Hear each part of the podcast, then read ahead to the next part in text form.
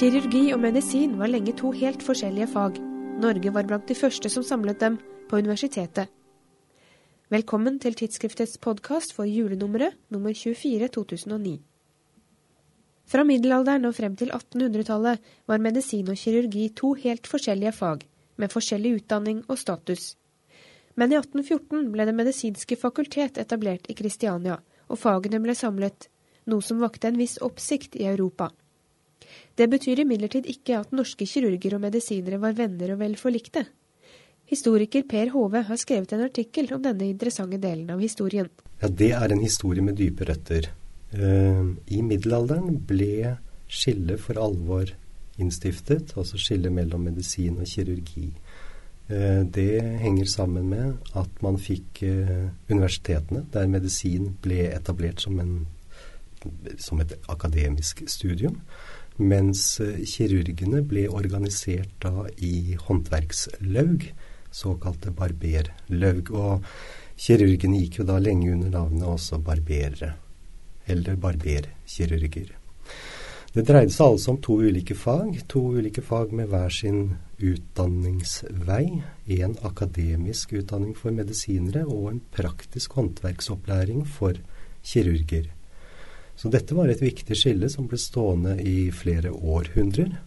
Men dette var ikke bare et skille i fag og utdanning, det var også et sosialt skille. Medisinerne tilhørte stort sett de øverste sosiale lagene i samfunnet, mens eh, barbererne eller kirurgene de kom fra lavere sosiale lag. Og så var det et skille som gjerne, i hvert fall fra medisinernes side, ble begrunnet religiøst. Det rent praktiske skillet var også svært tydelig. Kirurgene var altså håndverkere, og var de som langt mer enn medisinerne faktisk behandlet folk. Det dreier seg da ikke om en kirurgi slik vi kjenner kirurgien i dag. Det var en mye enklere form for utvortesbehandling. Det kunne være massasje, bruk av salver, bruddbehandling, sårbehandling. Eh, poenget er at de var ute blant folk, eh, der folk trengte hjelp. Eh, medisinerne eh, var ikke på langt nær i samme grad praktikere. Det var ikke alle medisinere som praktiserte medisin. De hadde fått sin medisinske utdannelse og tilhørte da den kulturelle og sosiale eliten i samfunnet. Men medisinere som praktiserte, ja, de møtte pasientene sine på en helt annen måte enn kirurgene. Stort sett så lyttet de. Uh, og Det er også blitt sagt at medisinen fra uh, middelalderen til langt opp på 1700-tallet var en form for biografisk medisin. Legene noterte seg pasientenes livshistorier. Og de mest vågale medisinerne de kunne da driste seg til å kanskje ta pulsen eller smake på urinen. Men de skulle ikke ta på pasienten før de beordra behandling? Nei, det var langt på vei tabubelagt og forbundet med skam. Mange av, eller noen av eh, pasientene tilhørte jo enda høyere sosiale lag enn en legene eller medisinerne, og da var det ikke helt passende at man berørte pasientens kropp. Og om pasienten tilhørte lavere sosiale lag, ja, da var det uverdig. Men fra 1700-tallet og utover nærmet medisin og kirurgi seg hverandre på flere ulike nivåer i praksis, lovgivning og utdanning. Det er eh, en ganske kompleks, sammensatt prosess. Eh, på den ene siden så ser man at eh, kirurgene over tid hadde opparbeidet seg en relativt bred medisinsk kompetanse ved at de faktisk hadde fått ansvaret for veldig mye av legekunsten i både hær og flåte. Så at de var ikke lenger bare kirurger. En annen ting var at kirurgene selv, i hvert fall den kirurgiske eliten, hadde i økende grad distansert seg fra barberyrket og gjort kirurgi til et akademisk og mer vitenskapelig fag. Med andre ord nærmet seg den vitenskapelige og akademiske medisinen. Og så har vi medisinens utvikling på den andre siden. Eh, etter hvert som tiden gikk, og man ser stadig tydeligere spor av dette utover på 1700-tallet, så var det ikke lenger lett å opprettholde medisinens eh, posisjon, altså, eller bevare medisinens legitimitet i et samfunn som i økende grad medikaliserte liv og død. Altså medisinen måtte bli sosialt nyttig. Og det innebar i praksis at medisinerne måtte nærme seg det kirurgiske håndverket, som da var blitt akademisert og vitenskapeliggjort. I 1814 skjedde en sammenslåing som ble lagt merke til langt utenfor landets grenser.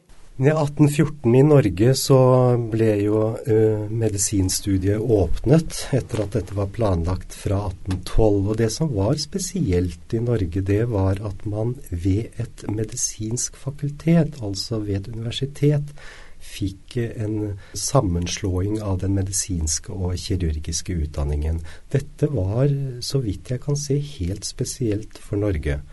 Eh, nå var det ikke slik at medisin og kirurgi ikke var slått sammen i utdanningen tidligere, men denne sammenslåingen hadde funnet sted i de kirurgiske skolene eller de kirurgiske akademiene. Den formelle sammensveisingen la grunnlaget for et moderne profesjonsfellesskap. En annen konsekvens er at de ble flere, i 1814 var det 27 kirurger og 15 medisinere i Norge. Og til sammen ble de en relativt stor profesjon, og kunne da stå langt sterkere i forhold til kvakksalvere. Men selv om mange i den medisinske og kirurgiske eliten ønsket en sammenslåing, var ikke overgangen problemfri. Den historiske arven levde videre, og forventningspresset på legene ble stort. Det ble skapt en forventning om at en lege skulle beherske både medisin og kirurgi, og utdanningen, universitetsutdanningen ble jo innrettet med det for øye. Eh, men så utviklet jo både medisinen og kirurgien seg i løpet av 1800-tallet. Og størst var vel utviklingen innenfor kirurgien, særlig etter eh, midten av 1800-tallet, med nye bedøvelsesmidler og etter hvert sterile operasjonsteknikker. Altså Kirurgien ble på må mange måter et nytt fag, og i hvert fall et fag som var annerledes enn den gamle kirurgien. Og da kviet nok stadig flere eh, leger seg som ikke hadde spesiell stor kirurgisk erfaring med å praktisere kirurgi. Og denne utviklingen førte jo til også at kirurgene, eh, eller leger som mer eller mindre viet seg til kirurgi, kom til å betrakte seg selv som legefellesskapets elite. Eh, dette førte jo da mot slutten av 1800-tallet, og for så vidt et stykke inn på 1900-tallet, til ganske sterke eh, konflikter mellom medisinere og kirurger. Hvem skulle behandle hva? Dette ser man spesielt tydelig når gynekologien vokser frem som en medisinsk spesialitet fra 1860-tallet. Tidligere var dette et indremedisinsk felt, nå ble det kirurgenes.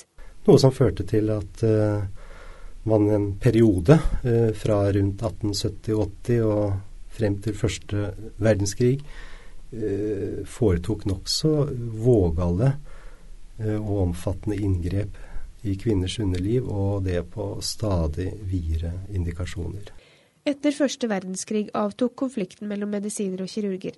Hove mener et viktig poeng i denne sammenhengen er at Legeforeningen i 1918 vedtok et spesialistreglement. Det innebar at de to feltene ble klarere definert, så å si. Og leger som var ferdig uteksaminert fra universitetet, kunne nå i større grad velge hvilken karriere de vil gjøre. Enten innenfor indremedisinen eller kirurgien. Og dette valget ble nå legitimt, mens det altså tidligere ble forventet at en lege skulle beherske begge felter. Ved å definere de to feltene gjennom spesialistreglementet, så kan man godt si at uh, konfliktene opphørte mer eller mindre Eh, som en utilsiktet konsekvens av eh, spesialistreglementet. Hele artikkelen til Per Hove kan du lese i tidsskriftet nummer 24. Du har nå hørt på årets siste podkast, men vi kommer sterkt tilbake på nyåret. God jul!